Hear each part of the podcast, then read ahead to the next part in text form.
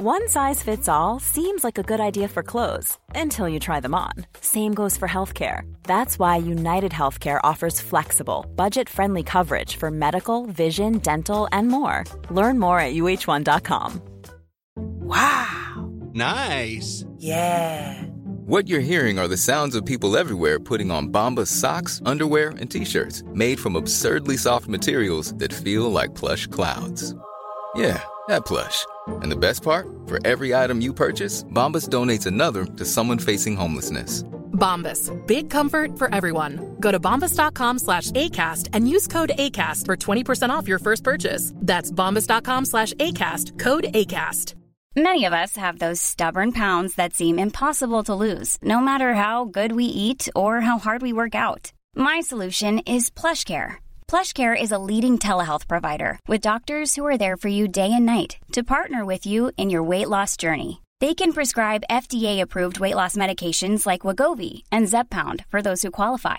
Plus, they accept most insurance plans. To get started, visit plushcare.com slash weight loss. That's plushcare.com slash weight loss.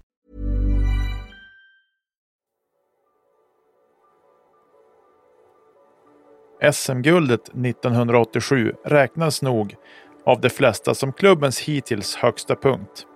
Efter det har vi också avancerat till landets högsta serie tre gånger. På samma sätt kan nog 5 februari 2012 räknas som klubbens lägsta punkt. Då förlorade Björklöven med 2-3 borta mot Kovland och högsta serien kändes enormt långt borta. Vi vill prata om hur vi hamnade där och hur vägen gick därifrån.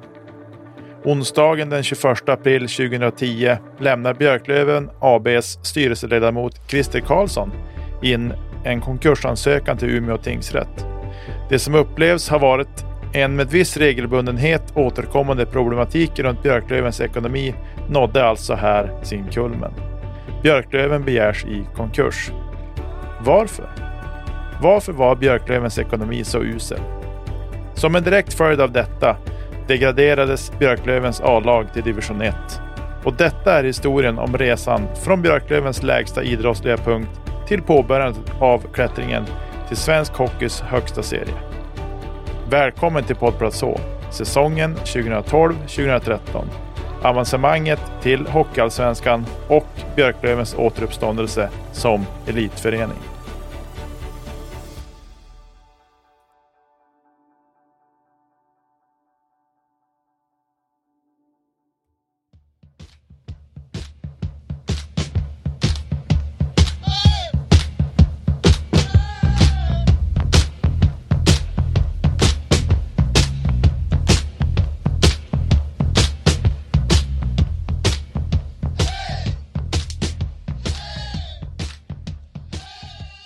Förra specialavsnittet, avsnitt 70, så lämnar vi historien i början av 2000-talet.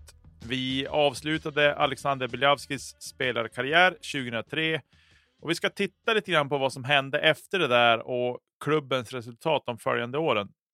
Eh, vi behöver också ta med att Björklövens ledarskap, både i kansliet och i båset. Eh, och vi ska också direkt fylla i. Det här avsnittet skulle man kunna göra i åtta timmar långt. Eh, för att det finns otroligt mycket att, att prata om kring Men det kommer vi inte att göra. Och att vi är väldigt väl medvetna om att eh, ja, men allt intressant man skulle kunna ta med oss där, det, vi kommer inte att ha med det helt enkelt.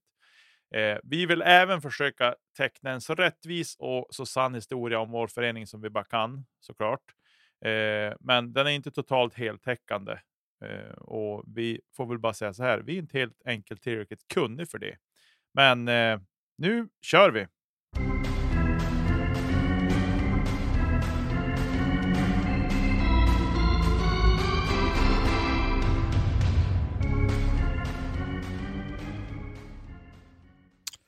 Ja, för att om man tar avstamp i Alexander Sasha Bilavski så har vi Sashas sista säsong.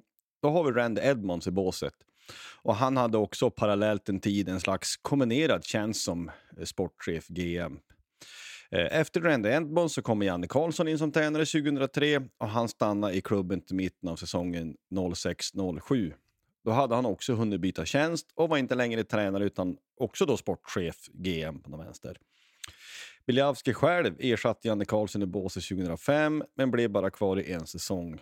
Och efter det så kom istället Janne Fag, nej, Janne, Jocke Fagervall kom in, eh, kommer in som stannar till 11 november 2008 då han fick sparken och ersattes av då eh, GM Mikael Andersson.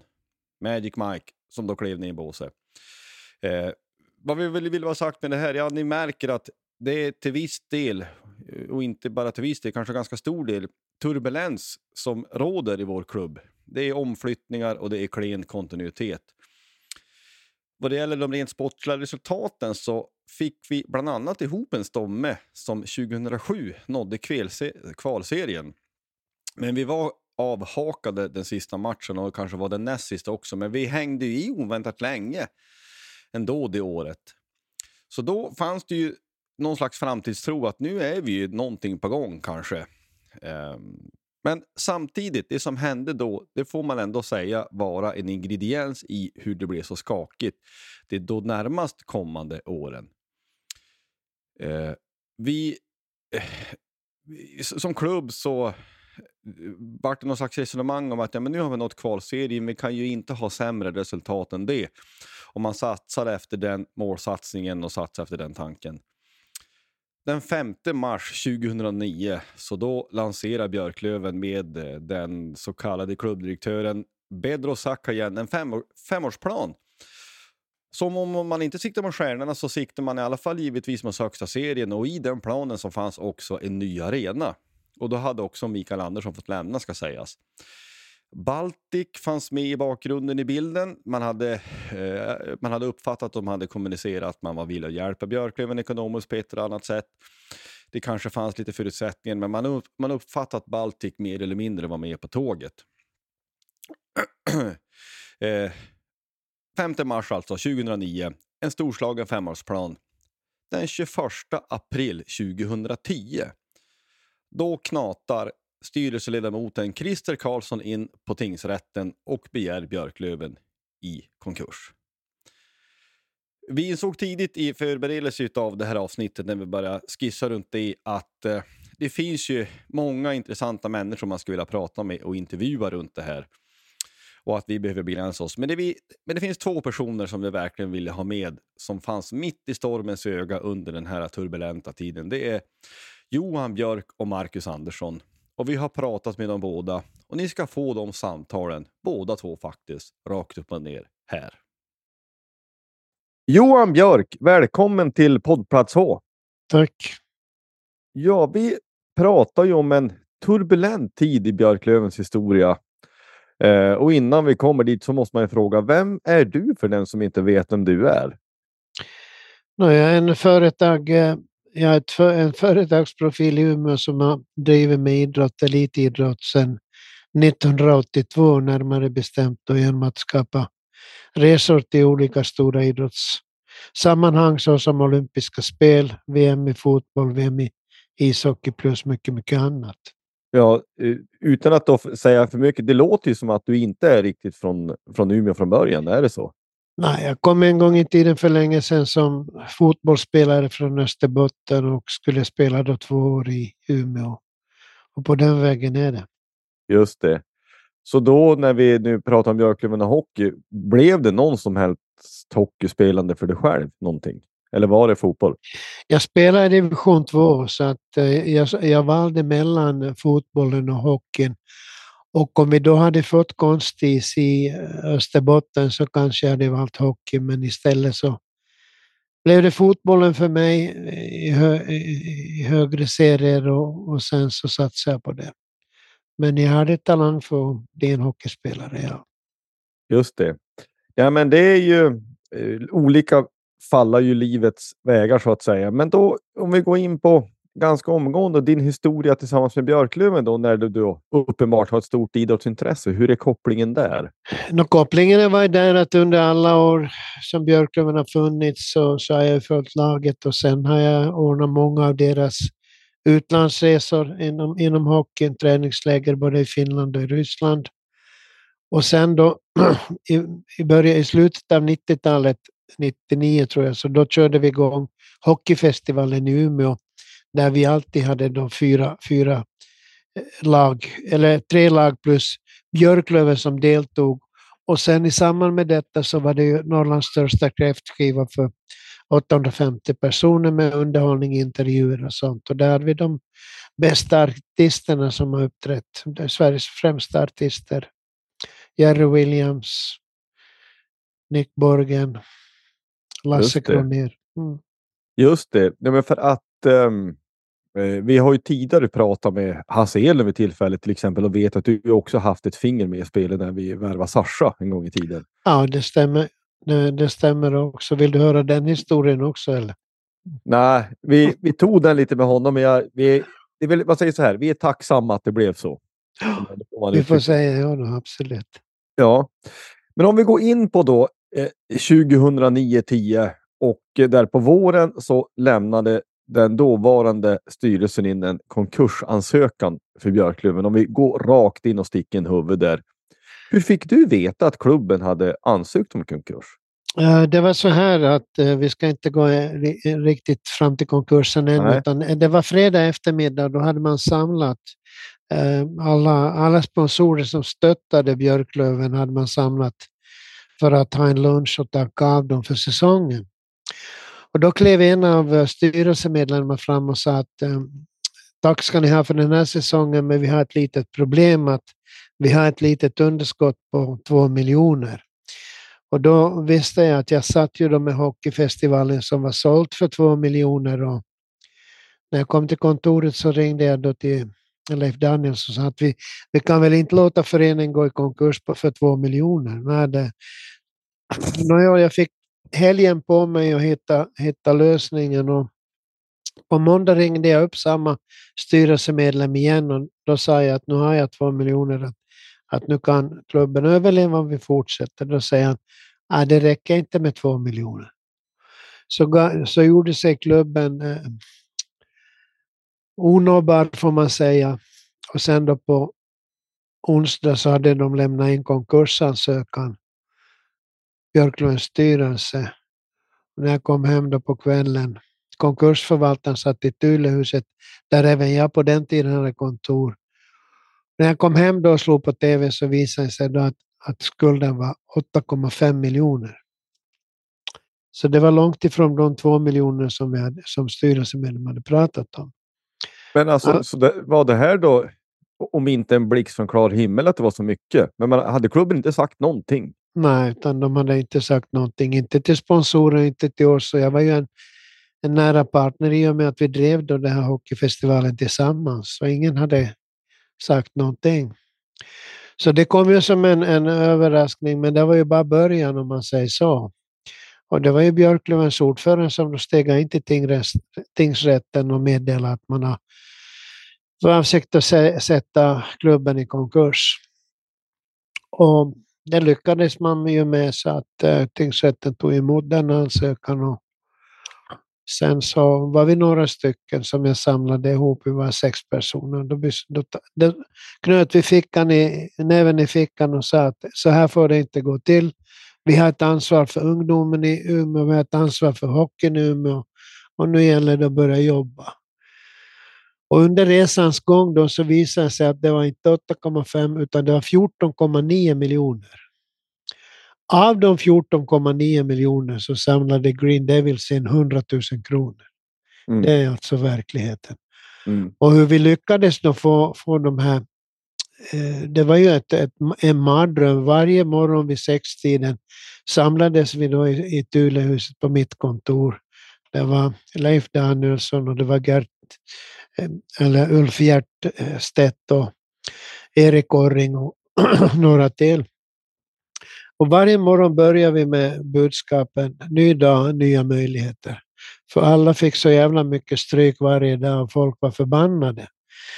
Och vad vi gjorde då att Leif ställde upp bland annat så att vi kunde sälja hans aktier och få den vägen in pengar. Och sen så förhandlade vi med de olika leverantörerna och, och sa till dem att ni måste avskriva det här annars kommer föreningen gå i konkurs. Och de flesta insåg ju då att om de inte den här chansen finns det ingen Björklöven. Och den styrelse som då satt hade ju inte heller riktigt förstått konsekvenserna. Vi skulle, om, om, om den här konkursen har blivit bestående Då hade vi tappat hockeygymnasiet, hockeygymnasiet som fostrar alla division 1-spelare. Hade, vi hade hamnat i samma serie som Bure och Lycksele med flera, inga illa om dem, men så illa var det ställt. Och hade eh, konkursen kvarstått så hade det nog inte funnits någon elithockey ännu denna dag i Umeå. Nej, alltså börja om helt från början är ju väldigt svårt. Men det här beslutet, det måste ju ha varit eh, som en, ja, men, väldigt förvånande.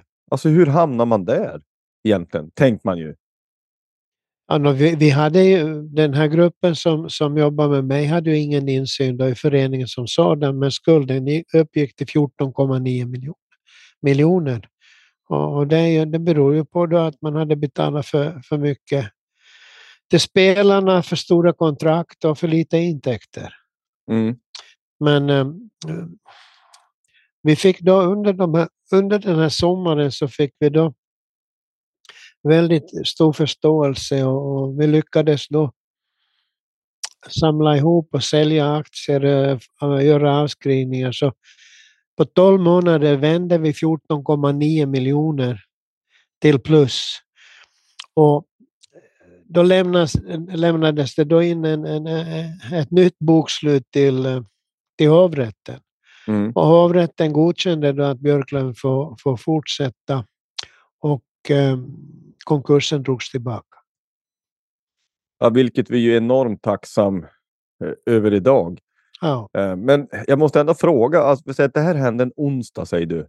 Alltså som man ja, in. Ja. Var det direkt på torsdag morgon som ni startade upp det här? Ja, ja det var direkt torsdag morgon. Sen var det ju Green Devils, de hade satt ut mitt mobila telefonnummer på sin hemsida. Du vet, eh, folk ringde ja, nu måste ni rädda det här. Jag sa, du, det är ingenting som säger. Men att orsaken till att jag var motiverad att rädda Björklöven, det var ju då att jag kommer från idrotten. Allt som jag har lärt mig kommer från idrotten.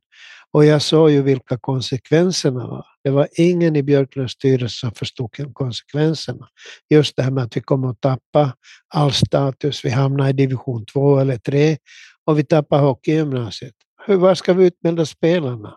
Vad skulle sponsorerna ha gjort? Finns inte en chans att de hade ställt upp då i fortsättningen och hjälpt Björklöven. Utan det var, det var skarpt läge. Och det var en otroligt bra grupp som vi hade samlat och där var det ingen som, som inte förstod allvaret och, och vad det här betyder för stan och för framtiden. Så vi jobbade ju stenhårt hela, hela den där sommaren. Och det var så enormt ansträngande, dåligt ställt, så vi kunde inte ens köpa klubbor till spelarna då på sommaren. Nej. Det var en ICA-handlare som ringde och sa vad kan han göra? Jag sa, har du pengar så vi kan köpa ut klubbor? Ja, det har han. Så köpte vi klubbor den vägen. För att, jag måste ändå ställa frågan så här nu i historien. Det, det kan ju inte ha varit särskilt lättsålt, tänkte man.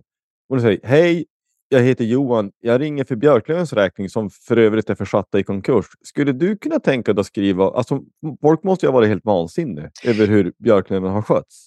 Ja, det är klart, men samtidigt så förstod de ju att vi, vi hade inte... Vi hade, det, det var inte oss de kunde vara på, det var inte vi som hade ställt till det.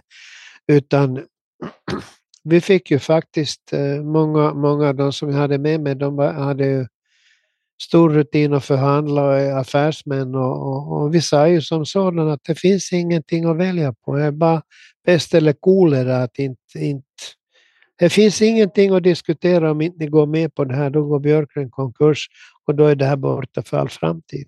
Så ändå mm. tycker jag att vi klarar oss hyfsat och, och de kunde ju inte vara för förbannade och skälla på oss för att de visste ju att det var inte vi som hade ställt till de där 14,9. Precis. Och sen så man liksom, det här minns ju vi också ju angående så är det inte är sportsliga så konkursen hävs, men det kommer ändå Hockeyallsvenska nämnden eller vad det hette då beslutar ju ändå att klubben skulle eh, degraderas i division 1. Hur ser du runt det beslutet? Ja, vi säger som så att jag tog ju, plockade ju in då, jag tror han hette Rasmusson, Malmö, Malmö IFs eh, advokat. Och Malmö IF hade något år tidigare var precis i samma läge. Men han klarade den, licensnämnden lyckades han då övertyga om att, att vi ska få licens att fortsätta Hockeyallsvenskan. Men där vill jag säga så här, där ser man att inte lagen fungerar på samma sätt i norra Sverige som i regionerna Malmö, Stockholm, Göteborg. Utan här tog man det här, ja men det är ju landsbygd, att okej, in, vi får se och så. Så det är ju riktigt att licensnämnden då inte godkände vår rekonstruktion, om jag får kalla det det, utan de sänkte oss då och hamnade då i division, division 1. Mm. Om det heter så. Ja, för det, det minns jag. Det var, för, för, för jag då, eller vi som kommer från supporterhåll med, så var det ju en, en verklig berg och dalbana. Jag minns väldigt väl, jag lyssnade på radion när jag fick besked om konkursen från början och sen så Nej, men det har dragits igång en grupp som kanske skulle rädda det och så räddar man det. Hur blir det? Nej, så blir det ändå... Ja, det var mycket känslor där. För så här i efterhand kan man ju ändå fundera om det inte var... Förstår man rätt nu? Eller, och jag ställer som en fråga. Tycker du ändå i efterhand att ja, men vi fick hamna i division 1 och börja om och göra om och göra rätt? Kan man säga så i efterhand? Tycker du det? Vi säger så här att vi, vi följer vi följer lite onödigt att, att om, om man har fått om man har återvunnit konkursen i hovrätten, då tycker man ju att även licensnämnden borde godkänna och, och ge oss eh, licens att spela fortsatt i Hockeyallsvenskan. Här, det trodde man inte på. Och licensnämnden består ju då av olika människor som finns där och det, de är utsedda av Svenska Hockeyförbundet. Mm. Men som jag sa återigen, att, att det, det, finns en, det är en annan lag som gäller i Stockholm, Malmö, Göteborg än i Umeå. Därför hade det varit på samma sätt. Den här samma advokat som vi hade, Rasmusson, han klarade samma problem med Malmö IF. Mm. Varför det? Varför drog inte licensnämnden tillbaka deras ansökan? Nej då. Utan här var Björklöven som skulle drabbas. Och, och sen var det ju faktum och Sen var det ett jävla liv också på Sundsvall Hockey, att, att de skulle ha den här platsen och hit och dit. Och... Jo, det minns man. De skrev ett brev och det var ett... Och jag, jag minns också licensnämndens uttalande var ju nästan en karbonkopia av Sundsvalls argumentation. Ja. det är i alla fall historia nu och vi, eh, vi är tacksamma för att klubben räddades och sen så, så småningom gick vi upp, även fast sessionen i division 1 blev två säsonger längre än vad man skulle tro. Eller vad man trodde eller vad man hade hoppats egentligen. Men eh, jag måste ju fråga, hur följer du Björklöven nära idag? Ja, jag går på vissa matcher. Jag ser väl en fem, sex matcher. Jag har två årskort som jag, som jag, som jag har. Så att nu, nu ligger det ju laget mig varmt om hjärtat och, och se och så. Det gör jag. Så att, den, så att nu är vi ju då i Ja, när vi spelar in det här så är det början på december 2023. Hur ser du på lagets möjligheter den här säsongen? Ja, vi kan ju säga att, att det sviktar ju betänkligt då i, i försvaret och, och när, när, laget får hög press på sig, om man ser när de har mött både Mora, Brynäs och eh, Västerås. Får de hög press på sig så då, är, då finns det inte något grundspel i försvaret. Va? Utan det här, här, får också tränarna ta på sig en stor del därför att jag menar att va, en, en del, naturligtvis kan vi skylla på försvaret, dock inte målvakten, han håller världsklass. Men, men eh, försvarsspelet har, har de inte fått till. Men sen är det också eh, det jag har eftersaknat, och det säger jag nu också, det är en riktig matchcoach. Alltså en, som, en, en man i båset som kan ändra spelsättet lite på, beroende på vilka lag vi möter. Så där, där är det klara brister. Mm. Och det är väldigt få matchcoacher i Sverige. Vi har haft två som jag känner personligen. En hette Hans Virus Lindberg och den andra hette Conny Evensson. De var personer som kunde under en match ändra och såg direkt det här taktiska, så här kan vi inte fortsätta. Där har vi en klar brist i dagens Björklöven. Då minns jag man ju att de möttes i en SM-final 87, ja. de två, till ja, exempel. Precis. Så det säger någonting. Ja, men vi ska knyta ihop det lite grann. Men en, en fråga som eh, man kan fundera på, eller som jag själv har funderat på. Vad tror du är anledningen till att den styrelse som fanns då och som ansökte om konkurs för vår del, varför lyckades inte de med det som ni gjorde? Ja, det är ju naturligtvis den frågan måste ni ställa till dem, men de, deras... det fanns ju personer då i den styrelsen som kände till att det fanns ett underskott på över 10 miljoner kronor. Det sa de till oss, 12 miljoner. Och där fanns det också en bristande kunskap hur idrotten fungerar. Och de meddelade oss, meddelade oss då att ja, men det är bara att sätta föreningen i konkurs och starta om på nytt. Och det var då vi sa, det går inte. Jag vet, vi hade ett möte med Patrik Sundström var ju med oss på vår sida och, och, och, den gamla styrelsen. Och då sa vi det att eh, om, om det här nu sätts i konkurs så försvinner all hockey härifrån. Nej, det, det är bara att göra som ett aktiebolag, man startar om. Och där hade man fel. Så det fanns väldigt stora brister i deras kunskaper om hur elitidrott borde fungera och hur det fungerar. Mm. Ja, nej men det är ju eh, återigen, det här är ju då drygt tio år sedan. Det är inte på ett sätt så länge sedan, men ändå så känns det så fjärran när eh, man ser på hur saker och ting är en dag. Lite avslutande, en, en annan fråga jag har själv också ställt mig hur, eh, hur du ser på en ny arena och hur realistiskt det är. Eller vad, vad är dina tankar runt det? No, min, mina tankar är att eh, just de där åren så var vi ju ett stolpskott från att få ett, en ny arena och där så fegar ju då politiken ut. Istället för att satsa på den här nya arenan så satsar vi på ett kulturhus som inte någon vill ha. När, vi, när VK gjorde den här förfrågan, vad behövs kring Umeå? Då fick Eh, vägpaketet 45 procent, den nya arenan 29 procent och ett nytt kulturhus fick 3 procent. Så man kan inte säga något annat, att det, det var inte folkets val som gjorde att vi inte fick den arenan. I samma veva då, då hamnar ju Björklöven i trångmål här och då, då vågar inte helt enkelt politiken ta den här nya arenan. Men ska vi ha en ny arena, då ska det vara en arena som gynnar hela Norrland. Det, det går inte att driva en sån här arena till Björklöven utan det behövs 120 evenemang per år, av dessa har då Björklöven 40. Men sen måste man då få ha annat, man ska ha konferenser, man ska ha underhållning. Man, ska, man borde ha ett separat bolag som då säljer Umeå på ett helt annat sätt än idag. Och det ska då vara ett fristående privat bolag där du har duktiga försäljare.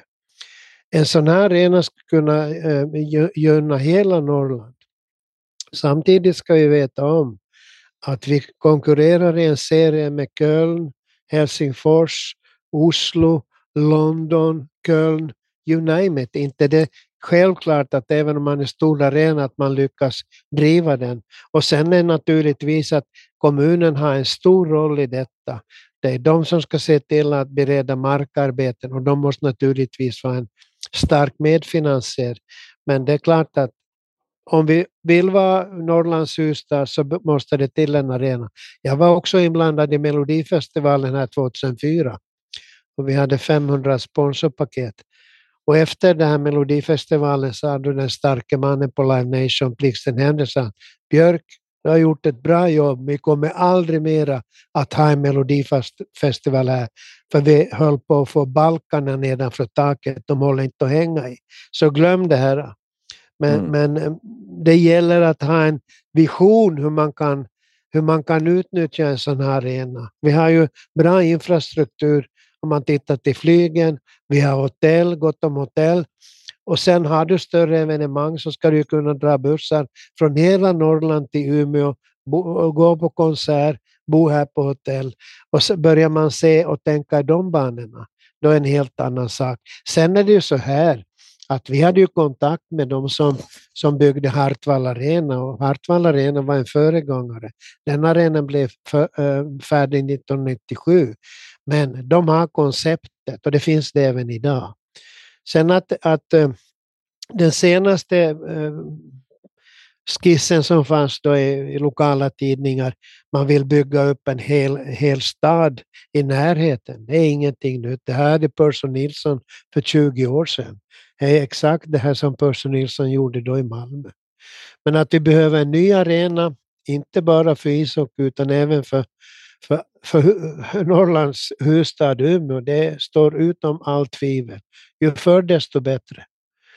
Men det måste finnas folk, rätt människor sitta, sätta sig vid rätt bord och fundera på det här. Det är en sak att bygga, men sen att ha visionen hur man kan driva det, hur man kan fylla det med evenemang.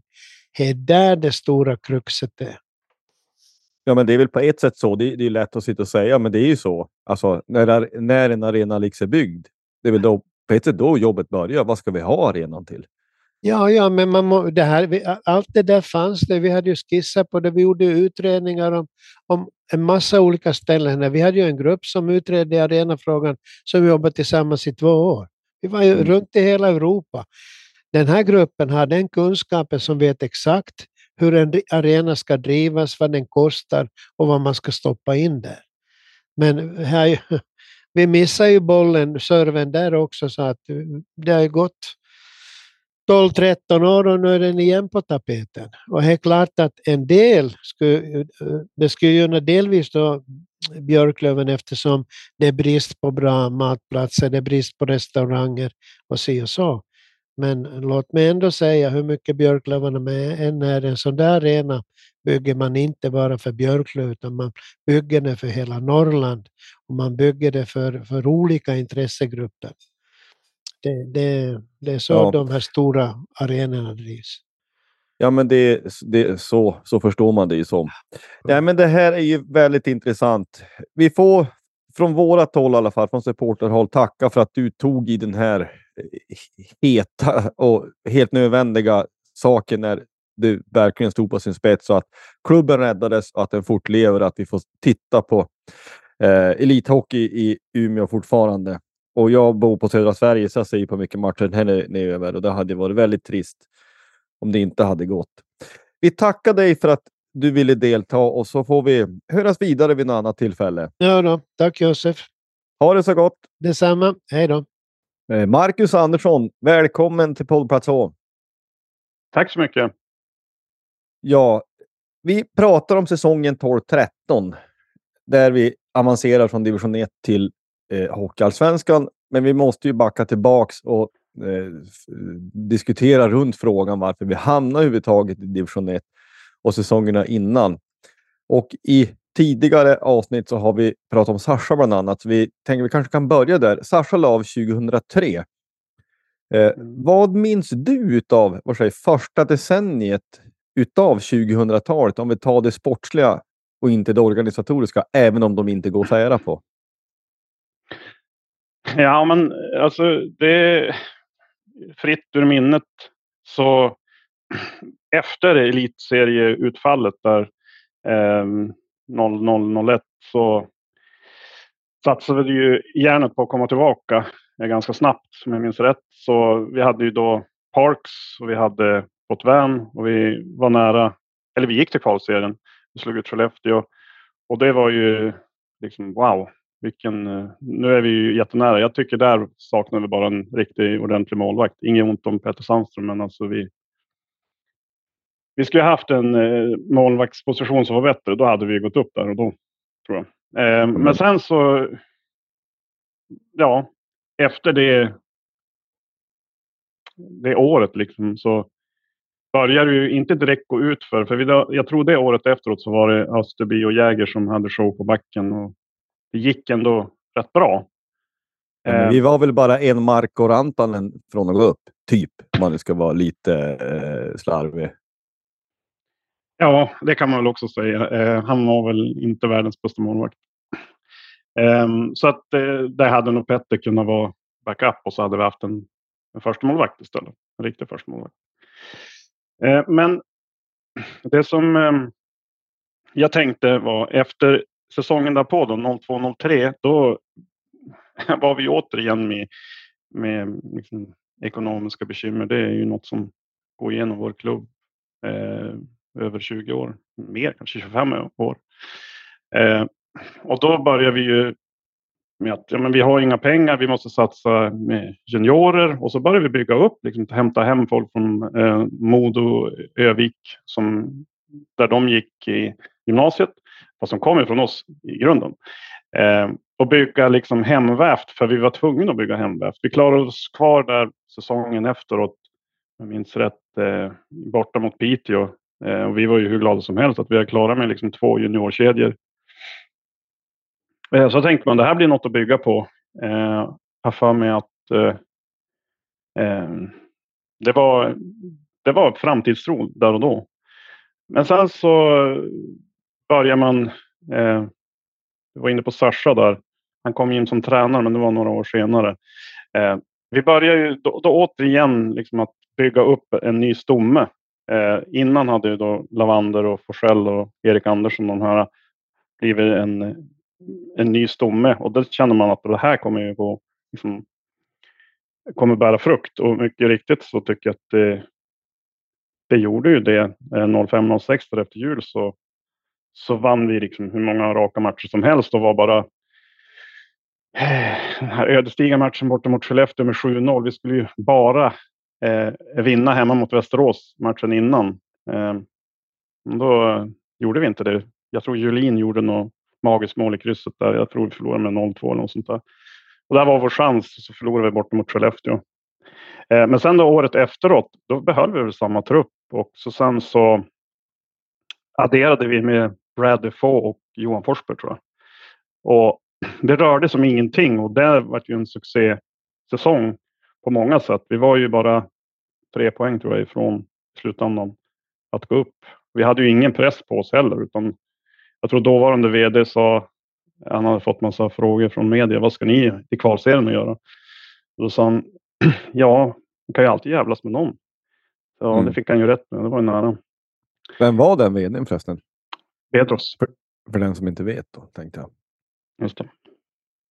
Uh, men sen då, ja, mm. fortsätt. Mm. Men sen då efter eh, den säsongen, då väljer vi ju Borås i playoff, har jag för mig. Eh, att det var då. Och då åker vi ut. Eh, det var en sån match som att matchserie som att jag tänkte att det, det, här. Ibland känner man bara på sig när den startar att vi, vi liksom låser fast oss. Det, det här funkar inte. Eh, och mycket riktigt så åkte vi ut efter en utvisning. Jag tror det var Urban Omark. Um, ehm, så slår de ut oss.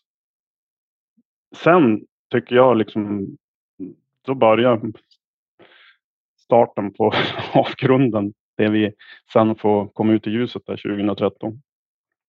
Ja, nej men för det, det är väl det på något vis som man ska försöka ställa sig frågan. Alltså, alltså från att ha spelat kvalserien 2007 och eh, i alla fall sportsligt må bra i förhållande.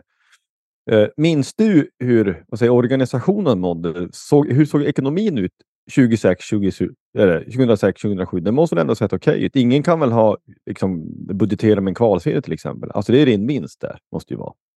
Som ett exempel. Nej, Nej, alltså jag, jag satt i supporterstyrelsen då som ordförande och vi fick ju redan tidigt veta att den inte var budgeterad med. Så att eh, en, en kvalserie med fem hemmamatcher, visserligen är det en kostnad också med resor och så, men, men det var inte budgeterat med så att det är ju en plusaffär. Så där eh, gick vi plus. Men sen då, eller vad jag vet, som jag känner till, men sen då jag ska inte säga att man blev förd bakom ljuset, men Eh, man litar mycket på det Löven sa då, där och då. Eh, liksom, det kommer in pengar. Vi, vi, vi hade ju liksom röda siffror hela tiden. Då. Eh, jag tror någon gång på 00-talet hade vi eh, svarta, men det är väldigt sällan. Eh, men ändå var det som att ja, men vi gick back, men det här kommer ändå ordna sig för att eh, lång historia kort. Eh, vi fick ju höra att ja, men det kommer att komma sponsorpengar in. Eh, det är redan klart. Så därför kan vi liksom göra den här satsningen. Vi gjorde en satsning året efter kvalserien, året därpå och året därpå. Och det gick ju bara eh, liksom sämre och sämre. Och så sen så slutade det ju i den här finska, eh, ska jag säga. Arto Sirviö i spetsen. Ja, precis.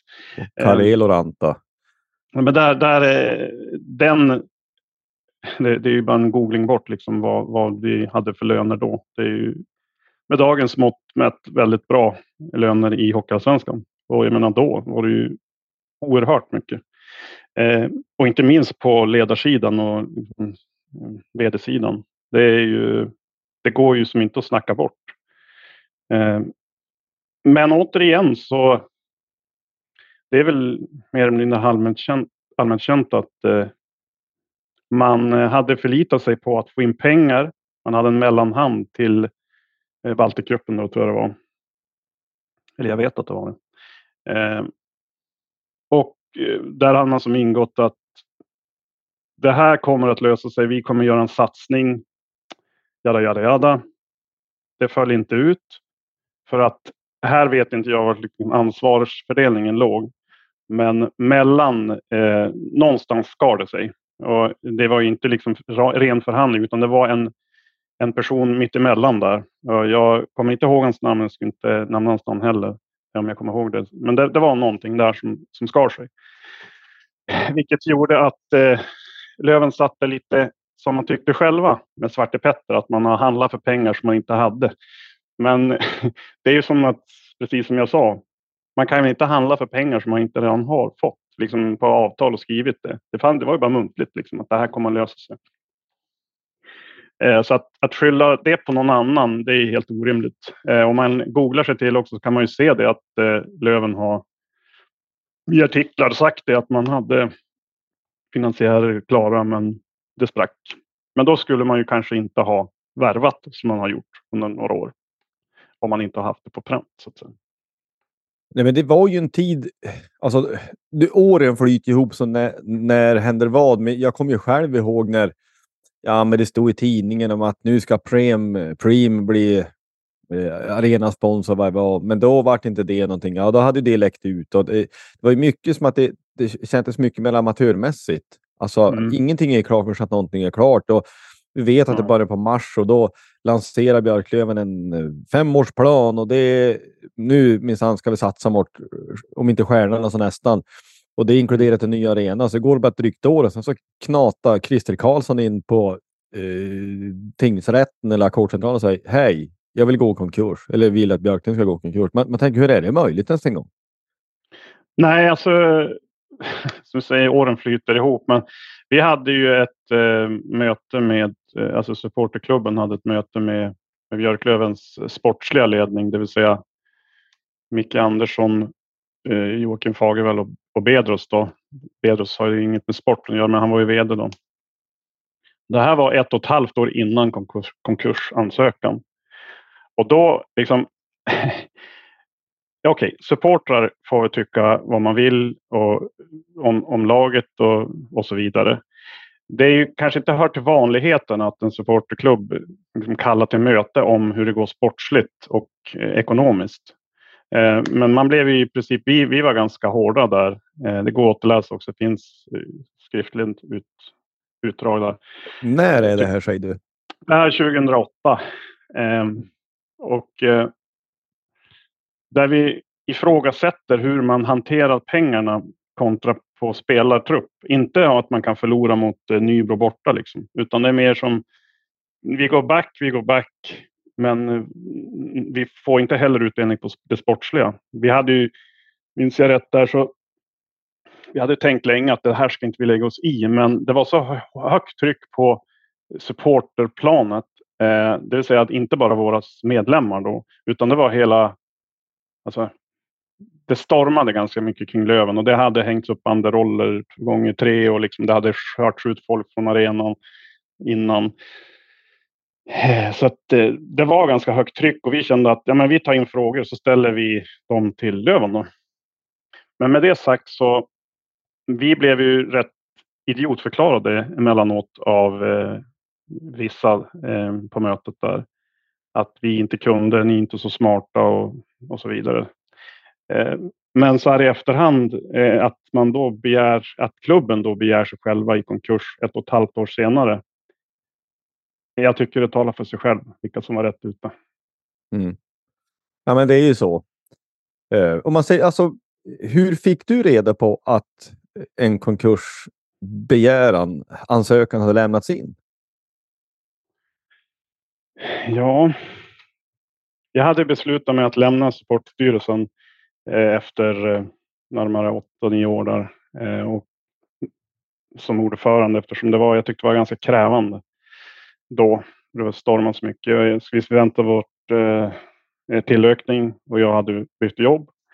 Så att jag hade just börjat på mitt nya jobb och eh, det var ju alltså i 2010 Mm, och då helt plötsligt så är jag på mitt nya jobb. De, de vet inte vem jag är, liksom vad jag har för kontext. Och helt plötsligt kommer Berno Jonsson från SVT in och liksom med en mick och kamera och, och grejer. Och jag säger till min dåvarande chef, jag vill inte prata med honom utan jag vill se vad det här handlar om. Jag hade suttit i möten hela dagen. Och då går jag in på VK och så ser jag vad det är. Så att, eh, på den vägen var det. Ja, för att, jag, menar, jag, jag var ju men en vanlig privatperson, eller det är man ju nu också. Eller det är man jämt. Det blir det här rörigt. Men jag minns exakt vad det var. Jag satt i en bil. Lyssnade på radion. Alltså Västerbottensnytt. Ding, dong, dong, alltså på radion. Jag var tvungen att köra in på en parkeringsplats minns jag. Mm. Alltså jag varit och jag, jag, jag, vill inte göra det något mer dramatiskt än vad det är, men jag minns tomheten. Och mest, liksom den första tanken var att men mitt hockeyintresse, vad ska jag göra med det nu? Ja. Det inte finns någon lag att hålla på. Nej, det var samma här. Alltså, det där, eh, jag tror det var svårt att smälta. Eh, jag åkte hem, minns jag. Eller efter ett tag kom jag hem. Eh, och så sen så la jag mig bara i sängen och så tog jag kontakt med en gammal kompis som faktiskt var den som tog med mig först på, på hockey. Ja, liksom det, man, man fattar ju ingenting. Alltså man var ganska fåordig för att det som stör en inte, det stör inte i efterhand, men alltså det som är så märkligt, det är ju det att de som styrde under den här perioden, vi säger från ja, 04 och framåt eller något. Eh, de satt ju också och liksom på sina höga hästar och talade om de här som nästan fick Löven att gå i konkurs eh, flera år innan på 90-talet. Det var ju jättenära 99 också när vi mirakulöst gick upp istället för att gå konkurs. Men jag menar, det, det var mycket snack om det också, så att eh, då i efterhand det här, man, det var som där och då när det var ett faktum att vi lämnade in konkursansökan, det kändes som att är ett dåligt skämt när de själva har liksom suttit och ironiserat över hur tidigare styrelsen har gjort. När de, nu har de gått pinnhåll längre. Mm. Ja men verkligen. Och det är det som är liksom ett, tyvärr under en ganska lång tid ett återkommande tema. Alltså att Löven har dålig ekonomi, det visste man. Alltså att man, man kan liksom inte sköta en elitförening och det tycker man var så otroligt märkligt. Ja, det var fruktansvärt och sen så var det så väl att jaha, man, då fick man reda på ja, men Johan Björk. Jag visste inte riktigt vem det var då. Ja, nu har det mm. dragit igång eh, en, en, eh, liksom en någon slags räddningsaktion för att det här sjunkande skeppet kanske inte ändå ska sjunka utan ska flyta vidare med näsan över vattnet. Och då engagerar sig Green Devils, eller Green Devils engageras. Berätta om det. Vad, vad, ja, hur, hur gick det till runt det där? Då? Ja, man kan säga så här. Green Devils eh, eh hade väldigt nära samarbete med styrelsen under den tiden vi pratar om. Innan alltså, det skedde. Men den blev ju sämre och sämre eh, eh, efter ganska snabbt hur den uppdagades. Och eh, eh Löven och GD hade ju liksom ett bra samarbete. Det kom frågor, kan vi göra så? Kan vi hjälpa varandra på det viset? Och så vidare och så vidare under tiden. Här var det inte ett ljud. Jag ska säga att eh, det byttes ut så att det blev en ny ordförande från 09 då, eh, som vi inte hade lika bra connection med. Så det kan ju bero lite på det också. Men, men vi, hade, vi hörde inte ett ljud om att det var dåligt eh, liksom, kring pengarna. Det fick vi reda på via media. Eh, den här räddningsaktionen med Johan Björk drog igång och då tog vi ett styrelsemöte väldigt snabbt och sa det, det här är ju för företag liksom, och avskrivningar och jada, jada, stora pengar. Men vi måste också göra något för, tyckte vi, ifall det är så att eh, eh, gemene man liksom vill skänka pengar och eh, jag ringde då eh, Johan och frågade liksom, kan vi samarbeta på något sätt. Eh, och då kom vi överens om att ja, men vi ska ha en separat eh, insamling för eh, privatpersoner. Och då kör vi dem via Green Devils eh, konto. Eh, och så sen så kör Johan och de med företag på sin sida och så synkar vi liksom hur, hur det ser ut. Och vi visste mycket väl att vi kommer inte dra ihop några stora summor. Alltså, eh, om man kontra, jag tror det, skulderna var väl på 15 miljoner ungefär. Inte skulle vi kunna dra in så mycket, men utan det är mer symboliskt att vi vill hjälpa till och se liksom, hur det går. Den här skulden ska vi också säga, den växte ju som varje dag. Det var som en lucköppning på julafton, en dålig sån. Eh, liksom, först var det ju inte så mycket, bara några miljoner. Sen i slutändan tror jag det var 14,9 miljoner. Och den insamlingen, man ska ha i kontexten, alltså nu var det här en annan tid innan Swish. Det var svårt att sätta in pengar. Det, var, det tog typ tre bankdagar och det var, ja, det var lite mer eh, ålderdomligt. Eh, så att eh, vi samlade i alla fall ihop, kommer ihåg exakt siffran, 151 000 eh, och så någon till siffra där, på eh, två veckor. Och det var ju vi helt, vi, var ju, vi förstod ingenting. Jag kommer ihåg jag hade eh, dagliga avstämningar med vår kassör, för det var han som hade liksom, tillgång till att se. Jag, jag trodde att det var, när han sa en summa på liksom, 10 000, då tänkte jag, men det var ju på de här tre, fyra första dagarna. Nej, sa han, det var bara på en dag. Jaha. Och då hade vi satt ut det vid klockan ett på dagen. Så det hade ju inte ens gått ett dygn. Så vi, jag tänkte, det, vad händer? Så att, eh, ja, det, det gick.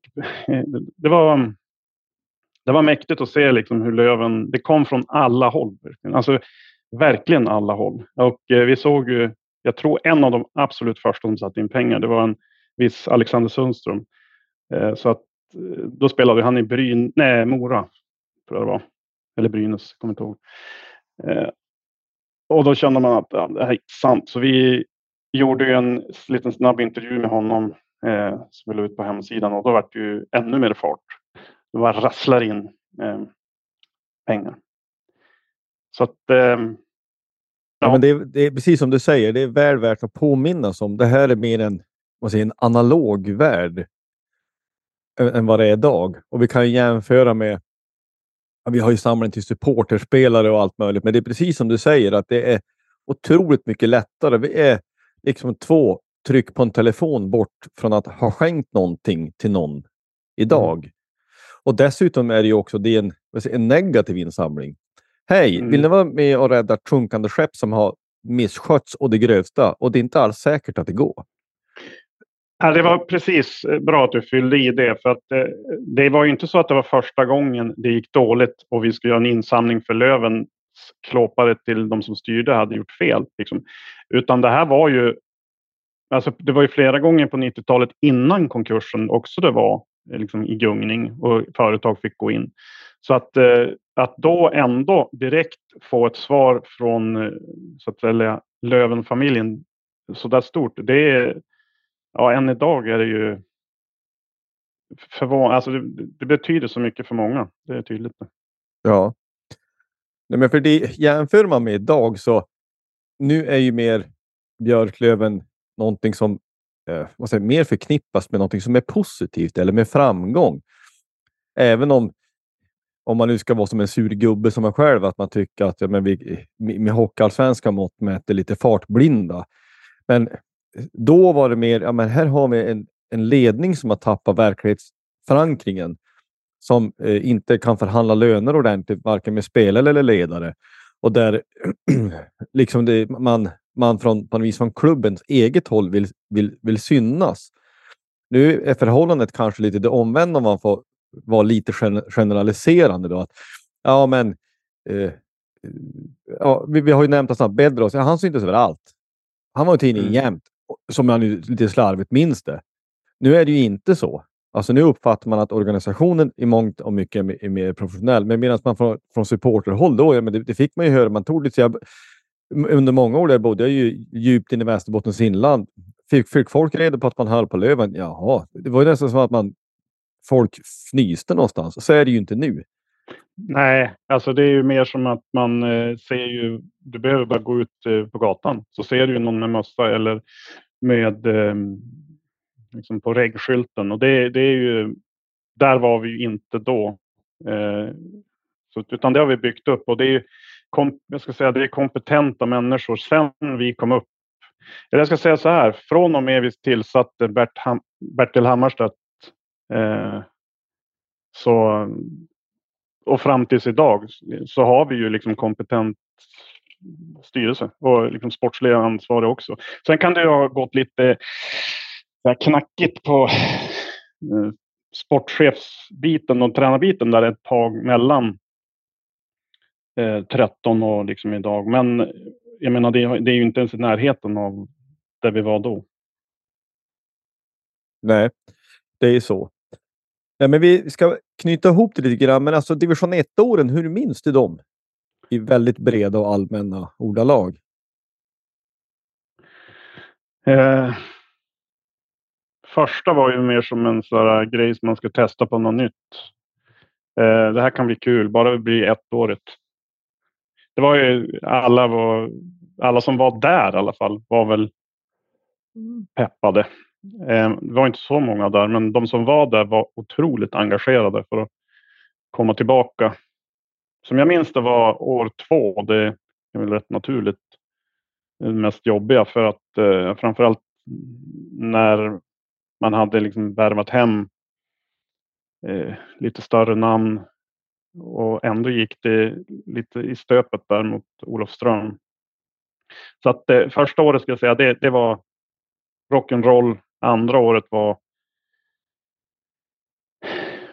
Ja, jag minns inte så mycket av det för att det var Även om vi åkte ut mot Asplöven i första hemma så tänkte man att ja, men det där var en gång nu. Nu satsar vi järnet och går upp. Andra året är som ett blankt papper lite grann. Jag minns bara två grejer om jag minns rätt. Det ena är Kovland borta och eh, det andra är Linus Boströms intervju efter de åkt ut hemma. Det var hemskt. Men sen så har vi ju då kronjuvelen 2013. Där jag tycker att eh, ja, alltså det är den som har skrivit det manuset liksom. Det, det, det är en sån perfekt säsong. Alltså vi får hem precis och krydda till med de profiler och hockeykunskap som vi behöver. Och dessutom så har vi sedan tidigare då fått in eh, Patrik Sundström i, mål, eh, i, mål, i, i båset. Eh, som liksom har varit med också på hela resan eh, tidigare. Han har varit inblandad i hockeygym och får, får vara med där. Han är ju en person som man högaktar. Eh, Mm. Och liksom, han är en stor bidragande anledning i båset. Inget ont om Öhman, men och sen så har vi då, får vi hem Hellström och, och Sundström och så har vi Palmebjörk och Boström och doktorn och så vidare. Det, det är faktiskt för bra för att vara sant och jag tror inte att jag kommer Alltså den dagen vi någonsin går upp i SHL eller vad ligan heter då. Eh, jag, har, jag har väldigt svårt att se att jag emotionellt skulle bli mer tagen av det än den säsongen. Det, det betydde så mycket. Det var ju liksom en överlevnad. Vi har ju hört både Palmebjörk och Boström och flera berätta om att de fick ju av de ledande då, styrande. Nu låter det lite motsägelsefullt här med tanke på vad jag pratar om. Men det var ju liksom all in. Vi, vi måste gå upp nu. Eh, det är därför, liksom, kollar man på truppen som var då, den, den är ju... Ja, den är ju riktigt fantastisk. Och att vi då får lyckas gå upp med, med de profilerna, det, det är någonting som jag har svårt att se. Om inte med, truppen idag skulle gå upp till SHL så skulle inte jag vara lika eh, liksom, emotionellt eh, ja, det skulle inte vara lika emotionellt för mig. Även om det skulle vara fantastiskt. Ja, ja men det, det tror jag. Eh, det tror jag många håller med om. Och det här är ju. Ja, men det är tio år sedan. Det är många supportrar som har tillkommit sen, inte minst för att de hade inte åldern inne då. Men sen är det ju också att eh, är vi tillbaka till det igen, att det är ja, men framgång föder framgång och alla Björklövens-supportrar är välkommen. Men det får ju också till sig eh, eh, alltså man, det är framgången i sig själv också som attraherar på något sätt. Mm, Eh, innan vi rundar av så, det är två saker. Jag, Patrik Sundström, ja men bara i höstas, alltså nu, Mm. bara för ett tag sedan, 2023, så springer jag på Patrik Sundström på hallen en dag där i i samband med en träning och jag blir helt starstruck. Jag, Mm. jag är liksom 48 år, men det spelar ingen roll. Jag är också nio år på insidan. Och när jag säger han, det är liksom han, ja, vilken snabla människa. Eh, och spelare. Men sen, vi har inte berört det, vi måste ta det lite från vänster och lite snabbt. Men det här brevet från Sundsvall, vad var det för något? Ja. För det, det, Alltså- det är liksom, det är ju, för de som inte minns, det, det här är ju någonting i den här konkursprocessen och att vi faktiskt också blir degraderade. Som, det måste vi på något vis beröra innan vi ger oss.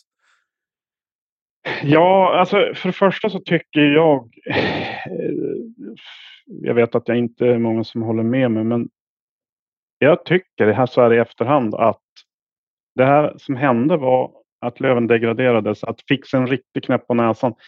Jag tror att det var nödvändigt för att vi skulle kunna starta om. Alltså jag tycker liksom före 2013 och efter 2013 så att vi fick bota om. Det var, inom film kallas det för reboot. Alltså vi pratade ju konstant om SM-guldet innan. Det var typ det enda vi pratade om.